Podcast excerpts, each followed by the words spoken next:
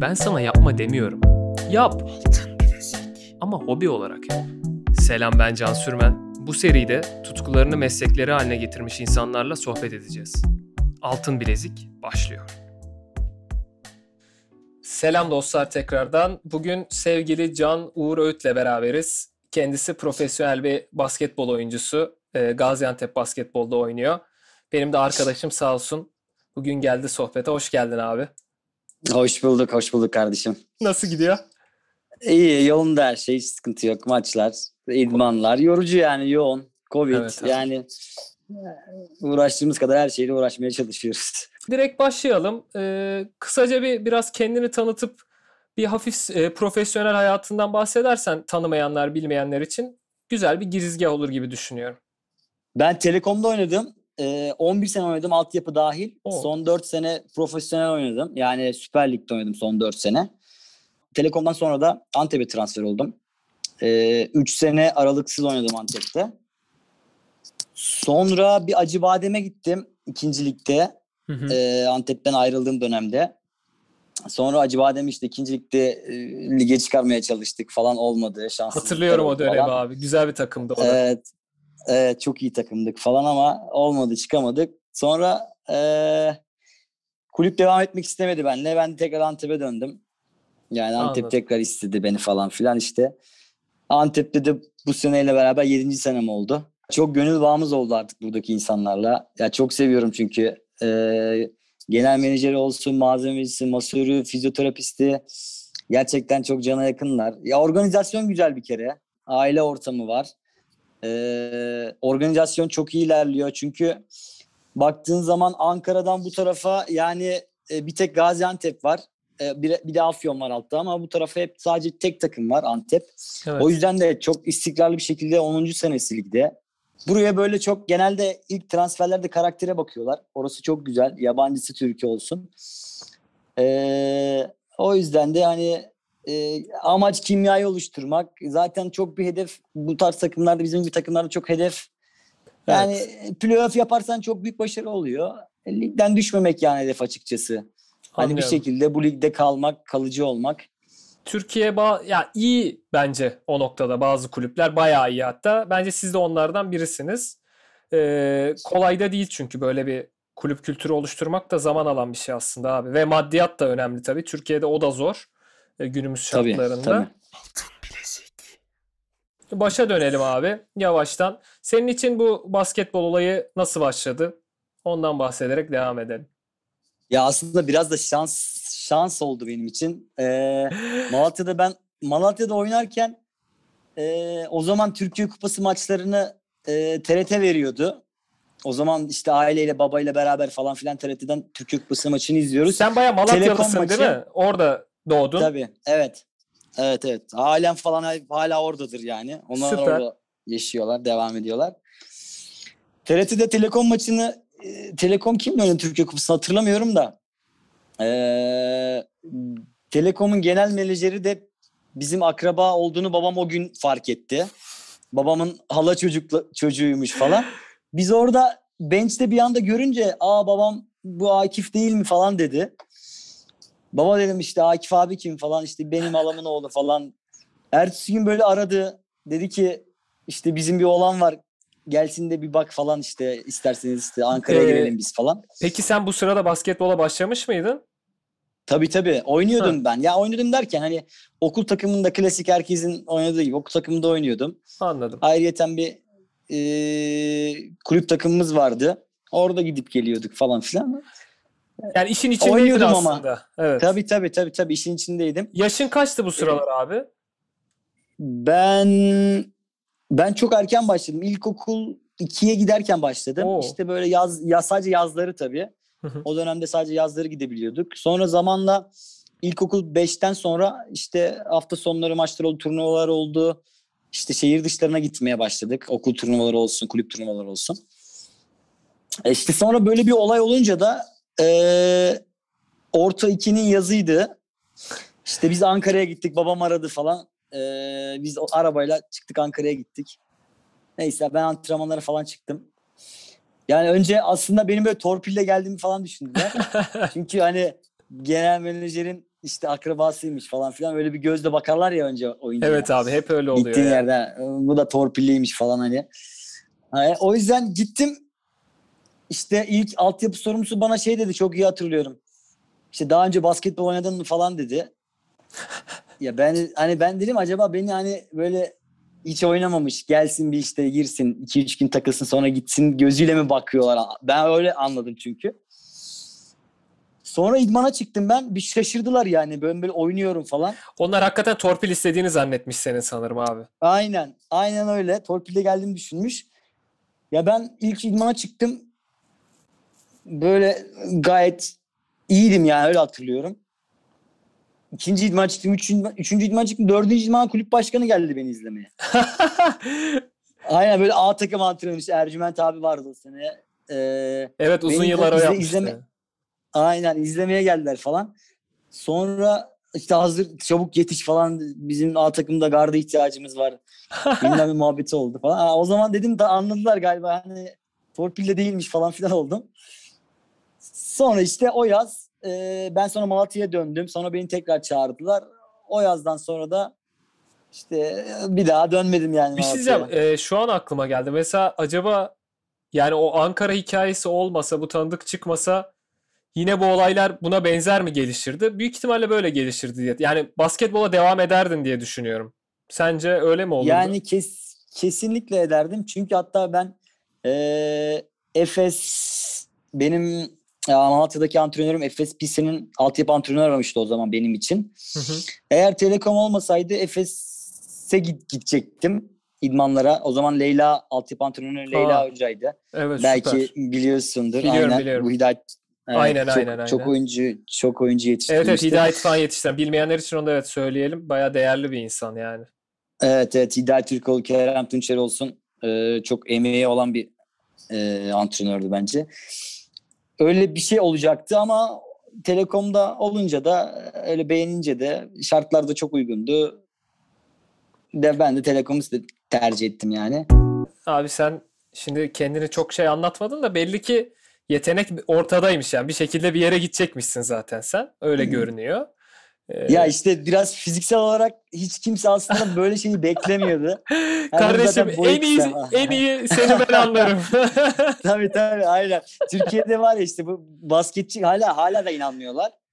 Hatta bir hikaye anlatayım o konuya gelmişken. Anlat abi evet. Yani Antep'te Antep'te oynuyorum. Trabzon'a gittik maça. İşte uçaktan indik otobüsle işte polis eşliğinde böyle eskortla şey otele gideceğiz. Şimdi ben de tam bizim Amerikalıların arkasındayım. İşte çantalarını falan koydular bagaja. Otobüsten içeri girdiler. Ben tam bagajı koyacağım. Polis memuru da tam kapıda bekliyor. Otobüsün kapısında. Sen dedi hayırdır. Bana böyle yaptı. Sen dedi hayırdır. tamam mı? İşte ben dedim ki memur bey işte ben de işte basketbol falan böyle şey yapıyorum. Hadi abicim hadi dedi bak işine ya dedi sen. Devam. Hayda inanılmaz. tabii. tabii tabii öyle bir muhabbet olmuştu. Sonra Abi. bizim işte menajer geldi falan ya abi tamam işte biz de takım oyuncumuz falan filan. E çok Abi. olay oluyor bu arada hani inanmıyorlar genelde basketçi olduğuna. e, yani evet bu değişmiyor. Abi şeyde de öyle. zaten Altyapılarda da aslında o sıkıntıyı çekiyoruz yani çekiyoruz. Ben de basketbol oynadım bir süre profesyonel. Yani ben de o yaşlarda küçük yaşlarda oynadım. Ben de biraz şişmandım. E, ama fena mesela şutum çok iyiydi. Ama tabii yani gözlerine girmek çok zor oluyor abi. Öyle diyeyim yani ne kadar iyi oynasan da bir ön yargı oluyor. Boyu kısa işte kilosu var bilmem ne falan diye. Bizim Kesinlikle abi. çarpı iki oluyor zorluğu. Yani normal insanlardan daha da zor ilerliyoruz yani. tabii tabii aynen öyle. Eee, ama işte isteyince devam edince belli ki boy moy hiçbir şey fark etmiyor abi yani. Yani evet biraz da öyleymiş. Çalışmak ben çalışmaya çok inanan bir insanım aslında. Ya bizim takımdaki gençlere de hala e, onu anlatmaya çalışıyorum. Ya çünkü e, bu jenerasyon genç jenerasyon biraz daha mental olarak çok şey değil yani. Yani Farklı değil mi abi? farkında farkında değiller. Yani şöyle farkında değiller. Yani kazandıkları paralar, konumları olsun. Hani gerçekten eee, Türkiye'nin yani yüzde üç, yüzde beşidir bence yani bu paraları kazanıp hani Tabii. bu kadar yaş, bu yaşta bu kadar paralar kazanan. Ya onları aşılamaya çalışıyorsun bir şekilde. Ama dediğim gibi mental olarak çok kuvvetli değiller. Ee, Ee, o yüzden de böyle bir bence en büyük sıkıntılardan biri de bu. Yani yani psikolojik olarak çok hazır değiller. Yani Abi, e, yani zaten sporculuğun e, göz ardı edilen en önemli yanı psikolojik zorluk kısmı aslında yani. Özellikle kesinlikle genç kesinlikle. yaşta. Ama işte senin olgunluğuna gelmeleri e, belki bir zaman alacak ya da senin gibi abileri belki senin de abilerin vardı. Böyle abiler yardımcı oluyordur. Daha hızlı Tabii, tabii, ilerliyordur tabii. çocuklarda. E, Telekom'da oynamaya başladın. Bu arada lisede Evet. lisede falansın diye tahmin ediyorum. Değil mi? Ee, orta orta sona başladım Telekom'da oynamaya. Orta sona başladım. Sonra Fatih Şablı Koleji'ne gittim hatta. Orada okudum işte ha, Ankara'ya geçtin. Anladım. Ankara'ya geçtim aynen. Komple geçtim artık. Orada kulübün eee, şehirden ya farklı şehirlerden gelen insan oyuncular için bir evi vardı. Orada kaldım falan. ha, Ee, Benim şanssızlığım şöyle oldu. Ben hep büyük 87 jenerasyonuyla aynı evde kaldım. Hiç kendi yaşıtım yoktu 3 sene. Orada da bir çömez çömez muamelesi gördüm. Gece gece işte markete göndermeler. evet takımlarda da Bilmem onlar neler. oluyor ya. Tabii tabii. Bizde çok biliyorsun. Hiyerarşi bizde çok fazla. Kesinlikle abi. O, o yüzden eee, Şey- ama keyifliydi. Ee, aslında o dönemde aileden ayrılıp gittin oraya değil mi? Evet. Yani tabii aynen. ki normal Çok- olarak. O- onun da hı. aslında sen psikolojinin şu an bu kadar gelişmiş olmasının sebebi büyük ihtimalle o olgunluğa sen o yaştan erişmeye başlamışsın abi. Yani aileden ayrı yaşamak lise dönemi çok kolay olmasa gerek. Ya kesinlikle kolay, kolay değildi yani. İlk bir yıl çok kötüydü benim için. Ya kötüydü derken duygusal olarak çok kötüydü. Küçük Hani bir de- çocuksun abi aslında yani. Aynen öyle. Bir de Malatya'da hani ben köyde büyüdüm. Hani e, köy okulunda okuduk. Köyde hep bütün Çok zamanım güzel. köyde geçti. Bir anda hani çok büyük bir şehre Ankara'ya gittim. İşte kolej bilmezdim hani kolejin ne demek Ne- ne? olduğunu bile bilmiyordum hani. Evet oradan koleje gittim falan. Hani böyle çok değişik ortam, değişik insanlar falan filan. Yani çok zorluk çektim ilk birkaç yıl. Ama hep kafamda şey vardı yani hani e, ne kadar zorluk çeksem de dönmeyeceğim. Hani Oh, güzel, tekrar güzel. Kesinlikle dönmeyeceğim şeyi vardı. Ailem olsun çok özledik gel artık dön oldu ama ben kesinlikle orada hep şey yaptım yani hani ben dönmek istemiyorum ben basketbol oynayacağım. Ya oyuncu olurum olmazdım tabii o dönemlerde çok şey yapamıyorsun ama Tabii. ya ben dönmek istemiyorum. Basketbol oynamak istiyorum dedim ve kalmıştım ama sonrası son 3 yıldan sonrası falan çok keyifliydi. Ya evet. Çok işte alıştım çünkü her o- şeye. Evet alışma dönemi zor abi. Ee, çoğu çocuk da belki adapte olamıyor olabilir yani. Kolay bir süreç değil belli ki. Üniversite dönemine gelince nasıl ilerledin abi? Ya şöyle e, üniversite benim ya biz sporcu olduğumuz için hani genelde e, şöyle oluyor. Besyo okuyorsun işte okul takımda Aha. oynuyorsun. Seni burslu alıyorlar falan muhabbetler oluyor. E, ben de Gazi Üniversitesi beni burslu almıştı. E, ama okula maalesef hiç gidemedim. Anladım. Yani birkaç tane Koç Fest turnuvası vardı. Onlara gitmiştik yazın. İşte Aha. onlar da o, o okul için orada oynadık falan ama bir şekilde yani Antep'e geldim, İstanbul'a gittim, Ankara'dan koptum, okula devam edemedim falan. Anladım abi. Yani şu an bir şekilde bitirmeye çalışıyorum. Yani dersler online bir şekilde hani ama e, biliyorsun çok çok zor yani çok hani zor abi. Sizin yoğun şey yani değil. e, bunu şu yüzden sordum abi. E, başlamadan da seninle hafif konuştuk bundan bahsettik. E, çoğu iyi basketbolcu üniversite dönemine geldiğinde bir seçime zorlanıyor ya. Yani işte e, Evet. basketbolu bırakacaksın, üniversite okuman lazım deniyor çoğuna Türkiye'de. Yani bu benim çok rastladığım bir şey. Sen benden de iyi biliyorsundur. O yüzden bunu Tabii. sordum. Yani dediğin gibi evet ya o ya ikisini bir arada yürüten tabii ki de e, sporcular mı? var. Muhakkak evet. Yani muhakkak vardır. Yani ama aynı şehirde aynı yani aynı şehirde olduğu zaman yürütebiliyorsundur belki bir şekilde ama yani bizim biraz da göçebe hayatı yani bir, gün bir yerdeyiz başka bir seneye başka bir şehirde olabiliyoruz falan. Hani ben çok yürütemedim açıkçası o dönemi. Yani e bir de tabii profesyonel okulla hayata basketbolu- atıldığın için evet aynen. Ben biraz daha spor odaklıydım çünkü. anladım. Yani hep idman, hep idman, hep idman falan hani o üniversite şeylerini falan pek hani ya aslında ç- onun pişmanlığı var hala bende. Onu soracaktım Yani- abi. Var mı öyle bir pişmanlık yoksa zaten abi benim Hmm. işim buydu ben çalıştım bunu yaptım mı diyorsun? Çünkü bu da gayet e, makul ve olabilir bir şey bence yani. Ya tabii ki de e, bu arada pişmanlığım şöyle hep okul bitirmek istedim üniversite. Yani üniversite mezunu olmak istedim. Anladım. Hani ben çünkü babam aile olarak o eğitime çok önem veren bir aileydik biz. Hani e, herkes bitirdi ben bitiremedim falan. Anladım. Hani e, orada biraz şeyim var ama bilmiyorum çok önemli mi? Yani işte tam onu Ee, diyecektim abi. Zaten e, sonuçta üniversiteyi niye oku diye bize vurgu yapıyorlar.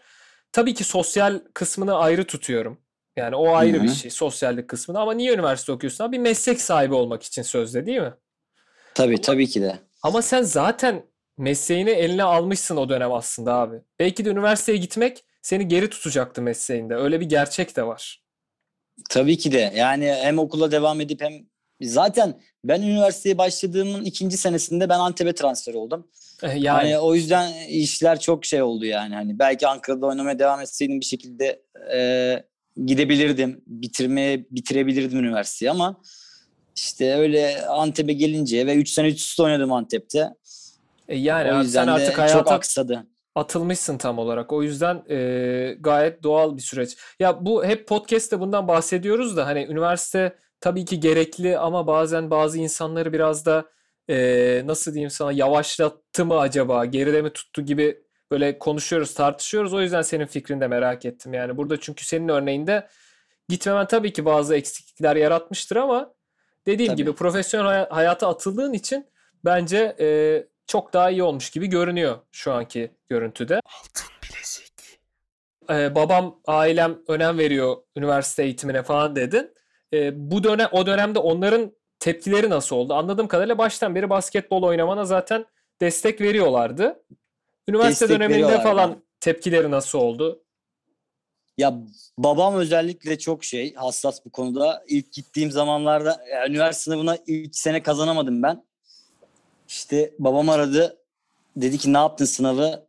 Baba dedim işte böyle böyle kazanamadım falan puanım tutmadı.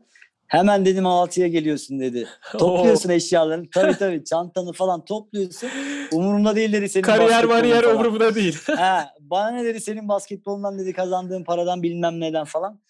Hemen dedi dönüyorsun şeye Malatya'ya.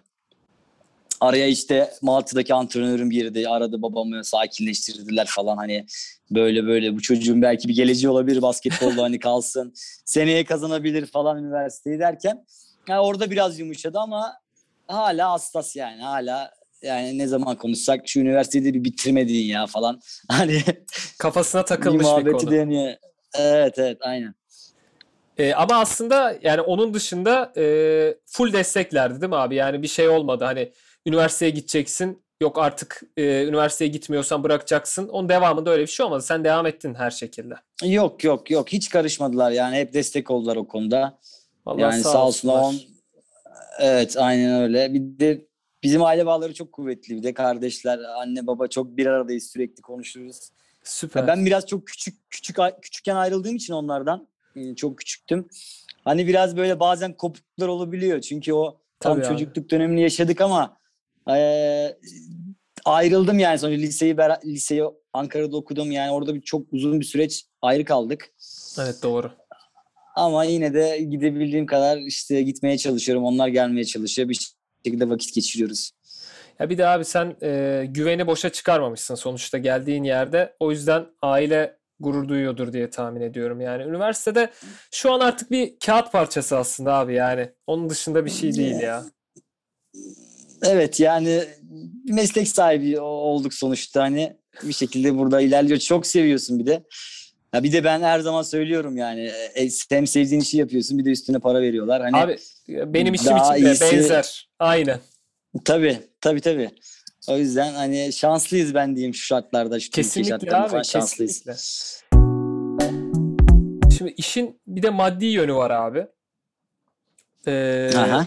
İşin maddi yönü nasıl ilerledi? Yani genelde nasıl ilerliyor tam bilmiyorum ama çoğu zaman e, büyük paralar kazanmak için basketbolcular bekliyor gibi tahmin ediyorum. Senin tarafına nasıl ilerledi? Bu bir zorluk yarattı mı senin için?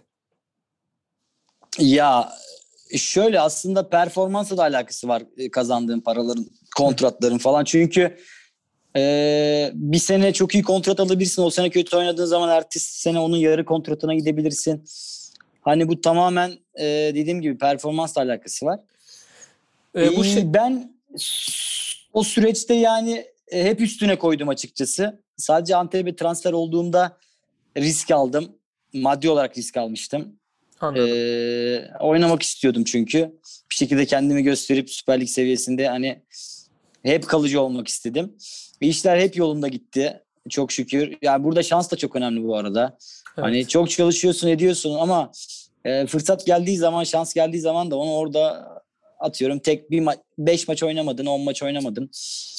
Atıyorum o bir maç şans geldi. Onu çok iyi değerlendirdiğin zaman önün hep açık oluyor. Merak ettiğim konu şey abi ya. Ya bu üniversite döneminde mesela bence ailelerin üniversite oku e, basketbolu bıraktaki e, bir sebepleri de maddi yön. Öyle geliyor Evet. bana. O dönemler nasıl geçiyor mesela? O dönemler maddi açıdan daha mı zor geçiyor ya, ya da o da oyuncudan oyuncuya değişen bir şey mi zaten? Ya tabii ki oyuncudan oyuncuya değişen bir şey. Ee, Ben zaten ilk geldiğim seneden beri hani Telekom'a geldiğim seneden beri bir bir şekilde maaş alıyoruz biz. Hı hı. İşte bir hedefi, bir hayali olduğu zaman e, çalışarak tabii ki de bence üniversite eğitiminden ya da üniversiteden sonra yapacağı işten çok çok daha yukarıda maaşlar ya da kontratlar alabilir diye düşünüyorum. Evet Hayatını abi. daha kolay idame ettirebilir bence. Eğer iyi yerdeysen, iyi oyuncuysan. Bu arada yani şimdi üniversiteden sonra e, bir meslek sahibi olduktan sonra işte bilmiyorum. Bence orada yaş ilerledikçe hani bir şekilde paran ya da maaşın Aha. artıyor. Hı. Ama burada yani ikinci ligde bile oynasan yani onun çok daha üstüne paralara, kontratlara imza yani oynayabilirsin. Evet, evet. Ama işte bizim de şöyle yani kaça kadar aynı yani aynı paraya kaç sene aynı seviyede oynayacaksın oynayacaksın mesela atıyorum e, rakam rakamı atıyorum 100 bin lira diyelim kaç sene aynı seviyede oynayacaksın yani Evet. 28 ile 33 arası mı 25-28 arası mı yani çünkü 37-38'den sonra artık hani bırakmaya gidiyorsun sonraki planları düşünmeye başlıyorsun. Ya anladığım kadarıyla abi e, sizdeki evet durumda o oluyor. Bitirdikten sonra ne yapacağım e, bir endişesi belki geliyor olabilir bir Evet. noktada. E, ama Evet, orada da e, seçenekler bolca mevcut gibi görüyorum abi. Yani hani yöneticiliğinden antrenörlüğüne. Herhangi başka Hı bir iş kolu bile olabilir yani bilmiyorum sen senin daha çok var ona düşündün mü bilmiyorum hiç bu soruyu sormayı düşünmemiştim ama Ya hep var hep var aklımda da bıraktıktan sonra ne yaparım nasıl bir yerde yani işin içinde kesinlikle kalmak istiyorum. Ee, çünkü yani ben oyuncu yetiştirebileceğimi düşünüyorum açıkçası. Böyle kısa oyuncular, uzun oyuncular bireysel anlamda hani onları çok iyi çalıştıracağım ama mental anlamda özellikle de onları hep tut- tut- tutacağıma inanıyorum. O yüzden hani bir yerden öyle bir başlamak istiyorum. Bir takımda olur, kendi bir bireysel bir yer, bir yer olur. Orada oyuncuları çalıştırırım. Hani kafamda böyle bir plan var. Abi- İleride antrenör olur muyum? Onu onu çok daha şey oraya gelemedim. onu 10 Ama- yıl sonra bir program daha yapar konuşuruz. Süper olur inşallah.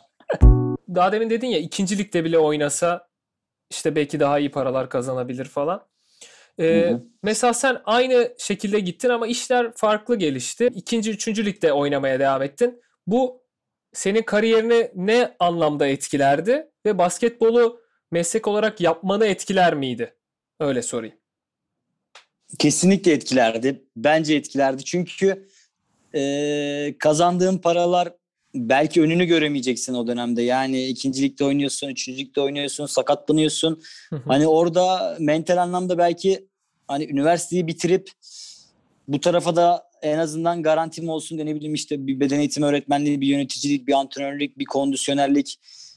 Kesinlikle bunları düşünürdüm yani ben kesinlikle düşünürdüm. Anladım.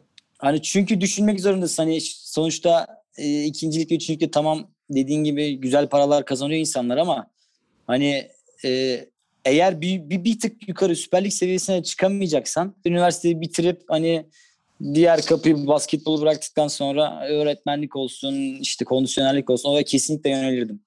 Ha, öyle bir e, o kısmı da garantiye alırdım kafamda diyorsun. Kesinlikle. Anladım. Ben biraz garanticiyim o konularda o yüzden kesin garanti alırdım.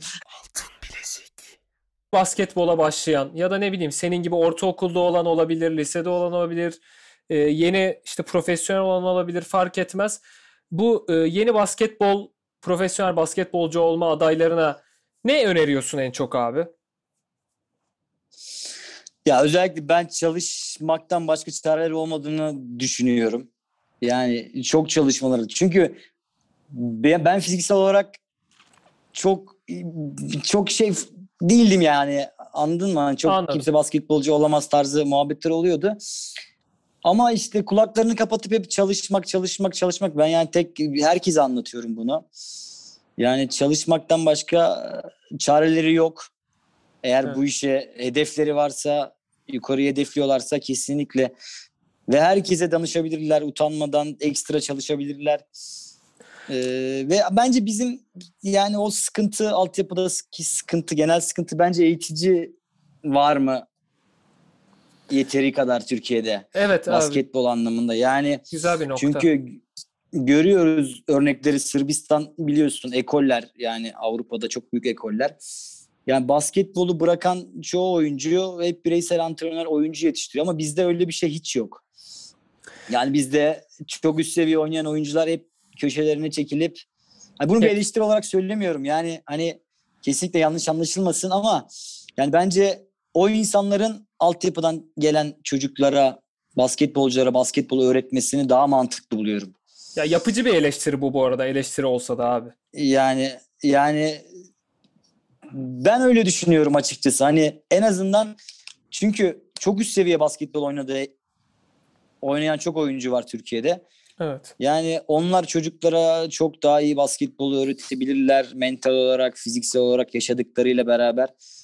Ee, ki hepsi örnek almıştır zaten o basketbolcuları. O da bir onlar Kesinlikle. için bir motive. Motive. Ee, ben biraz eğitici anlamında şeyim şikay- şikayetim o yönde yani. Ya aslında ben de tam zaten bundan sonra onu soracaktım abi. Çok iyi denk geldi ikisi. Ee, Türkiye'de sence neler daha iyi olabilir? Biraz onun üstüne konuşalım diyecektim. Sen zaten direkt oraya girdin. O da güzel oldu. Ee, yani yeni bir basketbol oyuncusu adayı senin gözünde kulağını kapatıp herkese bol bol çalışması lazım. Tabii. Ee, ve ilerlemesi öyle ilerlemeli diyorsun. Yani aile bilmem ne çevreden gelecek hiçbir şeye kulak asmaması lazım. Hiçbir şey evet hiçbir şey ki bu arada aileler de çok önemli bence bu, bu yani şeyde çocuğun gelişiminde. Ya çünkü şimdi e, şöyle de bir şey var. Bunu bu da bir eleştiri bir yapayım hadi bari konuşmuşken. Yani bence aileler çocuklarını çok küçük yaşta e, şey olarak görüyorlar diye düşünüyorum. Benim gözlemim bu yani dışarıdan baktım. Yani işte sen çok iyi oyuncusun. Sen böyle oyuncu olacaksın. Ya çocuklara bu tarz şeyi empoze ederek bence çocukları hani e, İşte- fazla şımartıp böyle çalışmaktan şey yapıyorlar bence. Geri kalıyorlar diye düşünüyorum. Hani ben hep o- orayı düşünüyorum. Bence aileler çok önemli ya. Bu özellikle altyapıdan çıkan yeni oynamaya başlayan oyuncular için çok önemli aile. Evet bir de sen şimdi e, birebir yaşadığın için gördüğün için başında da bahsettin ya abi. E, Hı hı. anladığım kadarıyla biraz mental olarak da gelişmelerini istiyorsun. Kesinlikle. Ya bu işin en başta da söyledim yani psikoloji mental olarak çok önemli. Evet. Ee, ki bunu da altyapıdan çıkan çocuğa bir ailenin empoze etmesi lazım. Çünkü çocuk çok küçük yaşta yani ailesini, annesini, babasını dinliyor tabii Evet, ki de. tabii. Ne yapacaksın abi? Tabii. O yüzden bence aileler çok X faktör bu konuda. E, devam edersek Türkiye'deki durum açısından e, eğitim noktasına parmak bastın. Orası gayet önemli bir nokta. Çünkü aslında biz bir basketbol ülkesi gibi görünüyoruz abi artık. Yani basketbolda e, bayağı ileride bir ülkeyiz. Çok önem veren bir ülkeyiz gibi görünüyor. Ama sen basketbolun içinden biri olarak en önemli eksiklik eğitmende diyorsun. Doğru anlıyorum değil mi? Kesinlikle. Kesinlikle eğitici. Peki yani- hangi noktada bunu geliştirebiliriz acaba? Nasıl yapabiliriz? Yani çeşitli bence projelerle yani Basketbol Federasyonu yapacağı bazı e, ne bileyim işte atıyorum doğuya daha fazla önem verip oradan oyuncu çıkartıp hani bir sistem olması lazım kesinlikle. Evet. Mesela e, sen Malatya'dan Malatya'da yaşıyordun köyde. Biraz kendi çabalarınla çıktın. Acaba senin gibi kaç oyuncu çıkıyor Anadolu'dan? Tabii yani çıkıyor. Yani çok oyuncu e, çıktı. Örnekleri de var ama de e, dediğim gibi hani e, çok yetenek var bence Anadolu'da. Yani bunu E, en daha da fazla, evet. Bandırma Banvit mesela Banvit bunu çok iyi yaptı. Yıllarca altyapısı Evet abi. özellikle Do Doğu'ya gidip altyapı antrenörleri e, oyuncu izledi, oyuncu baktı. Çok iletişim kurdular. Banvit bünyesine aldılar çocukları. Ya çok büyük gelişim gösterdiler ki izliyoruz da zaten Alperen Şengün olsun. Evet. Şeymus olsun. Yani çok çok Şeymus da keyif çok iyi, veriyorlar evet. gerçekten. Evet, çok keyif veriyorlar.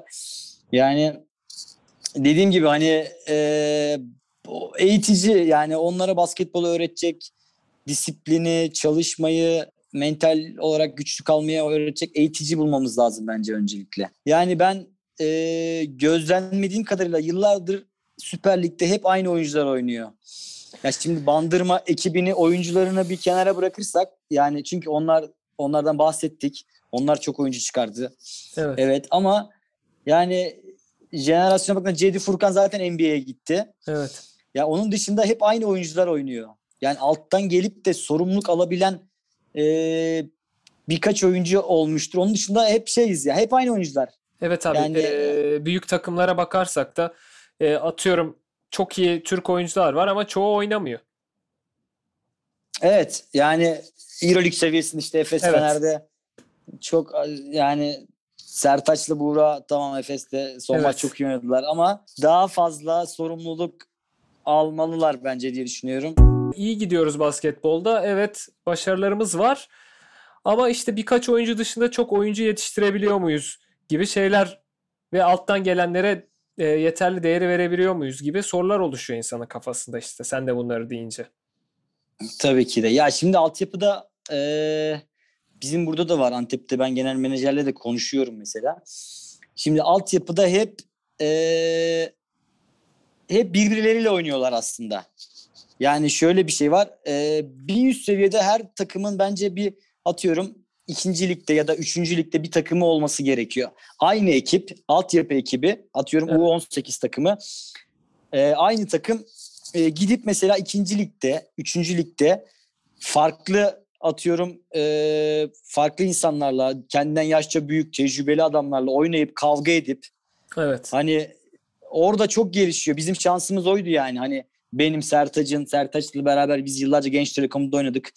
Hani biz hemen A, A takıma gidiyorduk. İkinci lige gidip o sertliği, o basketbolu görüyorduk. O yüzden bizi orası çok geliştirdi. U18'den çıkıp bir adam Süper Lig seviyesinde direkt oynaması çok zor artık. Evet yani abi doğru. gelip sorumluluk alması çok zor. Yurt dışına baktığımızda bu da klasik sorduğum sorulardan biri. E, yurt dışına baktığında şu Türkiye'de olsa daha güzel olurdu dediğin aslında bir Sırbistan örneği verdin antrenörlerle ilgili. Onun gibi başka bir şey var mı söylemek söyleyebileceğin aklına gelen? Bence e, Türkiye'de şeyin hakkı çok yeniyor diye düşünüyorum. E, kondisyonerlerin, personel, takımın kondisyonerlerinin çok hakkını yendiğini düşünüyorum. Bu konuda bence biraz daha bilinçli olmalıyız. Çünkü Avrupa'ya, Almanya'ya özellikle Evet. Sırbistan'a yani baktığımız zaman artık yani idmanları bile kondisyonerler yaptırıyor. Ya Çünkü teknoloji çok gelişti. Bundan 10 sene önceki gibi sistem yok artık yani. Hani Evet, doğru. o sistem yok. O yüzden bence ya sonuçta oyuncu size sağlıklı lazım. Performansını o zaman evet. gösterip en önemlisi. O yüzden bence biraz daha kulüplerin eee kondisyonerlik anlamında, fizyoterapi anlamında bence çok daha iyi organiza organizasyon yapmaları lazım Anladım. diye düşünüyorum. Biz biraz daha o konuda çok gerideyiz. Yani sen de Jordan'ın belgeselini izlemişsindir. Evet. Yani 95 95'li yıllarda Evet. biz daha da yeni yeni yapmaya başladığımız reformer'ı, recovery olarak kullandığımız reformer'ı 95 yılında yapıyor yani adam. Evet. Hani recovery olarak. Hani arada arada bir 30 senemiz var yani. Hani Bayağı bir gecikmişiz yüzden- abi ya. çok çok çok aynen. O yüzden biraz bence o konuda da biraz şeyim ben. Ee, kulüplerin bütçelerini bence çoğunu buna ayırması gerektiğini düşünüyorum. Şimdi bundan sonra nedir hedeflerin? Biraz ondan bahsedelim. Sonra yavaş yavaş sona doğru gelebiliriz zaten. Hedeflerim yani hedef hedef bitmiyor ya. Yani çünkü Ama o güzel her sene zaten. farklı bir hedef koyuyorsun.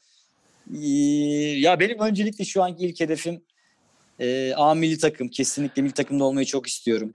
E, umarım da bu sene olmaz, seneye olur. Yani bir şekilde olursa ya o yönde de çalışıyorum. O mental şeyim var, gücüm var diye düşünüyorum. Abi yani konuşmalarından anladığım benim de bayağı var. Ee, ve bence olacak inşallah en kısa zamanda.